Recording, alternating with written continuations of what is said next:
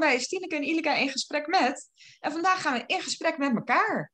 Want het is bijna uh, eh, 8 maart en dat is Vrouwendag. En uh, ja, het leek ons leuk om eens samen daarover te praten. Ik heb een aantal vragen namelijk voor jou, Stineke. Want uh, jij zat vroeger ook in de vrouwenbeweging. Dus de eerste vraag die ik aan je heb. wat betekent de 8 maart voor jou? Kan me niet herinneren toen ik vroeger klein was dat ik iets wist van 8 maart, van Vrouwendag enzovoort. Um, het begon pas dat ik iets van vrouwenbeweging uh, meemaakte, was toch in de jaren 60 Dolomina en uh, Baas in eigen buik enzovoort. Uh, en in die periode, ergens zo in de 70 jaren, is Vrouwendag ook pas eigenlijk geworden hier in Nederland. Uh, hier in het Westen was het niet zo bekend. Nou, bij mij, uh, achtergrond, familie, uh, omgeving ook niet. Maar dan in de jaren 60 beginnen die vrouwen ook in Nederland behoorlijk rumoer te maken. En in de jaren 70 wordt het in Nederland ook een belangrijk gebeuren. Dan is het voor mij nog niet echt een viering van 8 maart. Maar op een gegeven moment raak ik betrokken bij het Vrouwenhuis in Amstelveen. Ik word daar bestuurslid. En vanaf dan ga ik Vrouwendag vieren. En Vrouwendag is voor mij nog steeds, dat is in het nou ja, afgelopen 50 jaar is dat met ups en downs gegaan, maar is toch even een dag om weer terug te denken aan van, ja, als daar niet vrouwen in het verleden geweest waren, die uh, van alles en nog wat voor ons gedaan hebben en het pad voor, ook voor mij hoor, vereffend hebben, mhm. dan zat ik hier waarschijnlijk niet. En dan had ik niet mijn eigen laptopje. En dan uh, was ik niet een werkende vrouw geweest. En dan zat ik niet in de politiek. En dus ik vind dat je daar toch nog even altijd aan moet denken. En uh, nou, het ene jaar meer dan minder is Vrouwendag toch een dag waarop je activiteiten uh, plant of meehelpt doen of in ieder geval eraan meedoen. Dus als ik het goed begrijp, is het voor jou nu ook voornamelijk een moment om even terug te kijken. En als we dan samen even terugkijken, je zei het al, jij was betrokken bij het Vrouwenhuis. Waar heb je je toen allemaal voor ingezet? Uh, ja, dat was het, het, het Vrouwenhuis. En daar, uh, mijn voorgangers hebben daar heel veel aan gedaan om zo'n vrouwenhuis uh, op te richten. Dat op een gegeven moment was daar het tijdstip en was de tijd ook rijp om te zeggen van gemeente Amstelveen, jullie moeten zorgen voor een plek waar vrouwen kunnen komen. En zo is dat vrouwenhuis daar gekomen. En uh, dat vrouwenhuis, uh, ja, dat organiseerde voor vrouwen een heleboel dingen. En het was toen nog echt, en daar zullen jullie als jonge vrouwen wel werkelijk ongelooflijk om moeten lachen. Maar het was toen nog echt zo van alleen voor vrouwen. Het ja, ik ga het toch vertellen. Het was zelfs op een gegeven moment als uh, uh, de wc verstopt was. Er moest een loodgieter komen. Uh, dat was dan een man. ja, dat was een man. Nou ja, die moest ongeveer via het raam naar binnen gesmokkeld worden om daar dus de wc te repareren. Het was niet zo, oh, alleen vrouwen, dus die verstopping die doen we zelf. Nee, nee, dat dan net weer niet. Nou, en ja, daar kan je verschrikkelijk om lachen. Maar als je kijkt naar emancipatiebewegingen, hoe die in de loop van tijd zich gedragen en hoe dat verder gaat. Ja, toen was het gewoon nodig dat uh, dat echt alleen maar voor vrouwen was. Want daar waren bijvoorbeeld ook uh, bijeenkomsten voor vrouwen die een slachtoffer waren geweest van seksueel geweld. Of ja, vrouwen die zich heel onzeker voelden en die heel graag wilden dat het alleen maar een huis was, een ruimte was voor uitsluitend vrouwen. Nou ja, en daar, daar kan je alles van vinden, maar voor een gedeelte um, is misschien voor, voor een bepaalde doelgroep vrouwen zou dat nog steeds zo zijn. Dat als je dat met alleen maar vrouwen doet, dat dat meer oplevert dan wanneer je dat in een gemengde cursus zou doen. Nou, dat was dus uh, wat we deden, maar we deden ook altijd 8 maart vieren vanuit dat vrouwenhuis. En we hebben een aantal jaren uh, Vrouwendag gevierd met in ieder geval ochtends een ontbijt. En bijvoorbeeld uh, onze burgemeester Jan van Zanen was er altijd bij om toch ook een, uh, een leuk woordje tot ons te richten. Als je dan kijkt naar wat er toen allemaal gebeurde en ingezet werd en de tijd waarin we nu leven, wat is er dan eigenlijk bereikt nu? Nou ja, ik denk dat jij daar zelf ook best een heleboel uh, over kan zeggen. jij, uh, jij werkt, uh, jij hebt gestudeerd, jij bent raadslid. jij hebt voor jezelf niet het idee, denk ik, dat je een achterstandspositie hebt. Dus ja, en dat is toch wel allemaal veranderd. Niet in één keer. Trouwens ook niet alleen door vrouwen hoor, daar hebben ook mannen hard aan meegewerkt. Grappig dat je dat zegt, ja, want nou ja, inderdaad, ik uh, pluk heel veel vruchten van wat er toen allemaal is gedaan. Maar ik ben me daar pas redelijk recent bewust van geworden dat daar echt voor is gestreden. En uh, dat ik echt ook andere vrouwen van vroeger daar dankbaar voor ben. Uh, dat ik inderdaad, als, als je dan ging trouwen, niet handelingsonbekwaam werd. dat soort dingen. Dat je kan studeren, dat vrouwen stemrecht hebben. en voor die gelijke positie. Maar dat, ik, ik ben me er nu ook, want ik ben opgegroeid met het idee, nou ja, toen ik jong was, toen was feminisme bijna een vies woord aan het worden. Ja, ehm, en het was ook, ja, de, de emancipatie was klaar. Dat werd er dan, ja, nou, nu was al alles wel bereikt, een beetje. Nou, nou was het wel goed. En eigenlijk was, nou, ik denk sinds een paar jaar dat ik denk, oh ja, maar er is nog zoveel meer uh, te verwerven. Inderdaad, uh, voor vrouwen van andere culturen. Maar ook als je kijkt uh, dat in Nederland bijvoorbeeld nog heel vaak de vrouw dan ehm, parttime werkt, uh, mannen fulltime blijven werken, ook als ze kinderen krijgen. Ehm, en hoe daar naar gekeken wordt, ik denk dat er echt nog wel wat uh, te bereiken valt. En zie je ook uh, steeds meer bewegingen opstaan. En nou, wie weet komt er nog een derde feministische golf aan. Ja, nou, ik denk dat dat is zoals het gaat dus. Hè. Dingen, dingen bloeien op, dingen worden groot, dingen worden zo groot dat ze zelfs nog worden.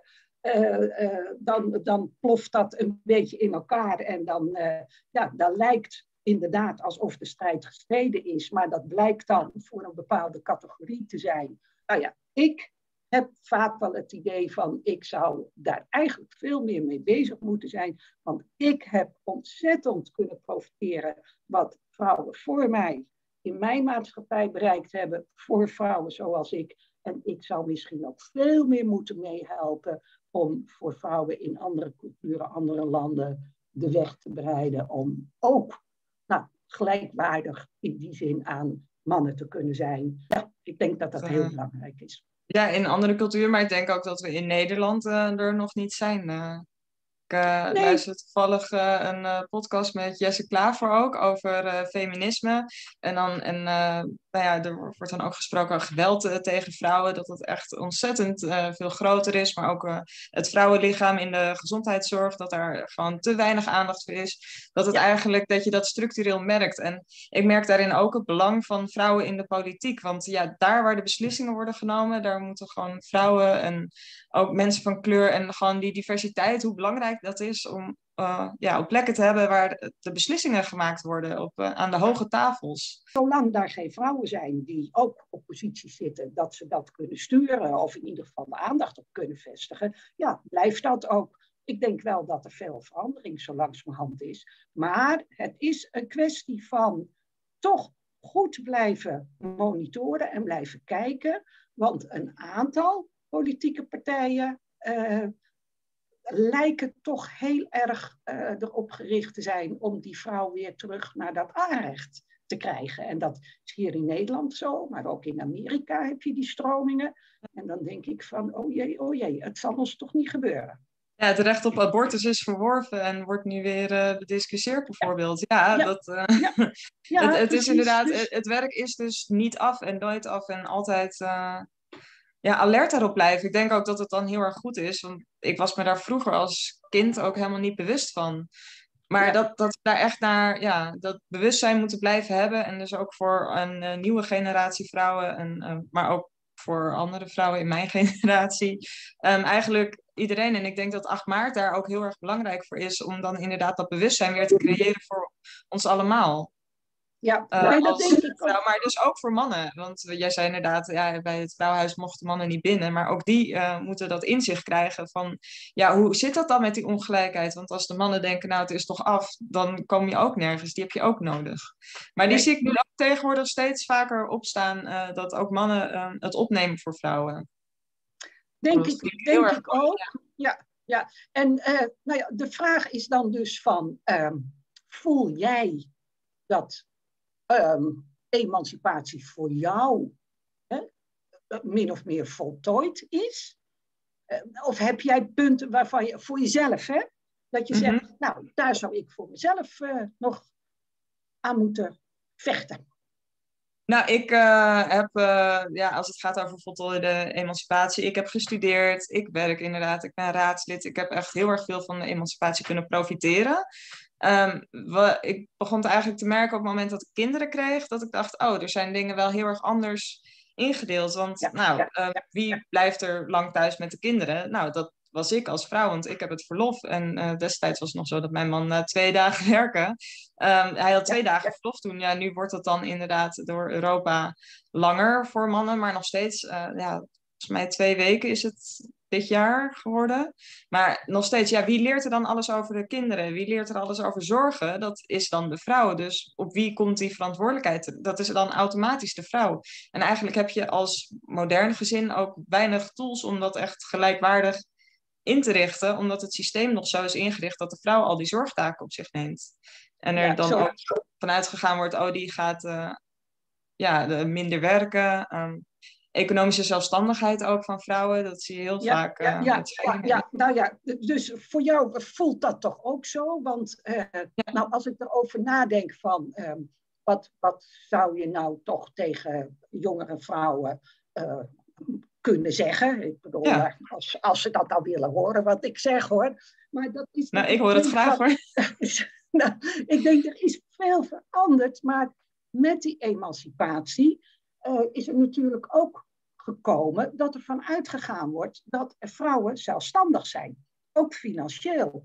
En ik denk van, uh, uh, ook jonge vrouwen, denk goed na over hoe jouw financiële positie is. Ook als je onverhoopt op een gegeven moment toch alleen komt te staan. Want als jij minder gaat werken vanwege de kinderen, ja, bouw jij voor jezelf minder pensioen op. En allerlei wetgeving is er zo langzamerhand op gericht dat je, uh, ja, dat je gewoon uh, zelfstandig uh, bent wat betreft je, je inkomen ook. Je inkomen als je alleen bent, ook je pensioen. dus let daar goed op dat je dat soort dingen voortdurend voor ogen hebt. Ik, ik merk, denk ik zelf, ik merk nog steeds dat vrouwen heel erg de neiging hebben om dat hele financiële aspect toch een beetje op de lange termijn te schuiven. Ja, ja dat, uh, nou, dat geldt ook voor mezelf hoor. Want uh, ik heb daar, ik dacht dat ik daar goed mee bezig was, maar eigenlijk pas sinds kort dat ik dacht, ja, ik wil echt goed inzicht krijgen in die financiën. Ik wil inderdaad ook echt zelfstandig uh, kunnen zijn. Dus ik kan dan inderdaad wel werken, maar je moet er wel voor zorgen ook dat jij een goed pensioen hebt, maar ook dat je inzicht hebt in hoe dat pensioen zit.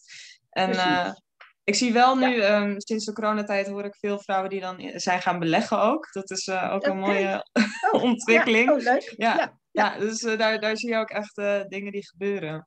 Zeker er zijn ook veel vrouwen wel met voorkeurstemmen gekozen de afgelopen verkiezingen. Dus ik, daar merk je wel inderdaad dat daar echt een beweging is. En ik ben ook wel hoopvol dat dat in de komende jaren een flinke sprong gaat maken. Maar ja, wat je ook ja. zegt, dan heb je een recht verworven, maar altijd ervoor blijven strijden, altijd daar ja. Ja. alert op zijn en dus goed kijken naar de geschiedenis. Ja, ja. en je kan denk ik, eh, dat, dat vind ik leuk als je een beetje zeg maar eh, met een helikopterblik ernaar kijkt. Uh, het is een hele interessante emancipatiebeweging geweest, nog altijd, die ook mm -hmm. uh, voor emancipatiebewegingen van andere groeperingen ja. uh, een voorbeeld kunnen zijn. Hè, van uh, sowieso ook als je, als je socioloog bent of geschiedenis studeert of wat dan ook. Je kan ook lessen trekken uit hoe dat soort dingen lopen in, in een lange periode. En hoe je het beste ja. dingen kan aanpakken, geloof ik. Daar, wat dat betreft kan het ook als, als groot voorbeeld dienen. Ik denk ook dat het uh, in deze periode um, heel erg goed is dat uh, verschillende bewegingen, dus een Black Lives Matter beweging, maar ook de LHBTIQ um, beweging en de vrouwenbeweging, om dan gezamenlijk op te trekken. Want als je voor de ene minderheid opkomt, dan ja, geldt dat natuurlijk ook vaak voor anderen. Op die manier uh, inderdaad, die beweging dat dat meer gezamenlijk komt, dat zie ik het afgelopen jaar, uh, zeker sinds de demonstraties, echt veel meer ja, die handen ineenslaan. En ja. Ja. Dat is wel goed om te zien, want wat je zegt, je kan van elkaar leren, maar ja, als je voor het ene strijdt, betekent het, ja, dat, het andere is ook belangrijk. En om dat, dat gezamenlijk mee te nemen, ja. Ja, dat is zeker waar. Nog een paar dagen en dan is het zover. En uh, nou, ik uh, heb me al uh, ingeschreven op een aantal activiteiten hier in Amstelveen. ik ben benieuwd.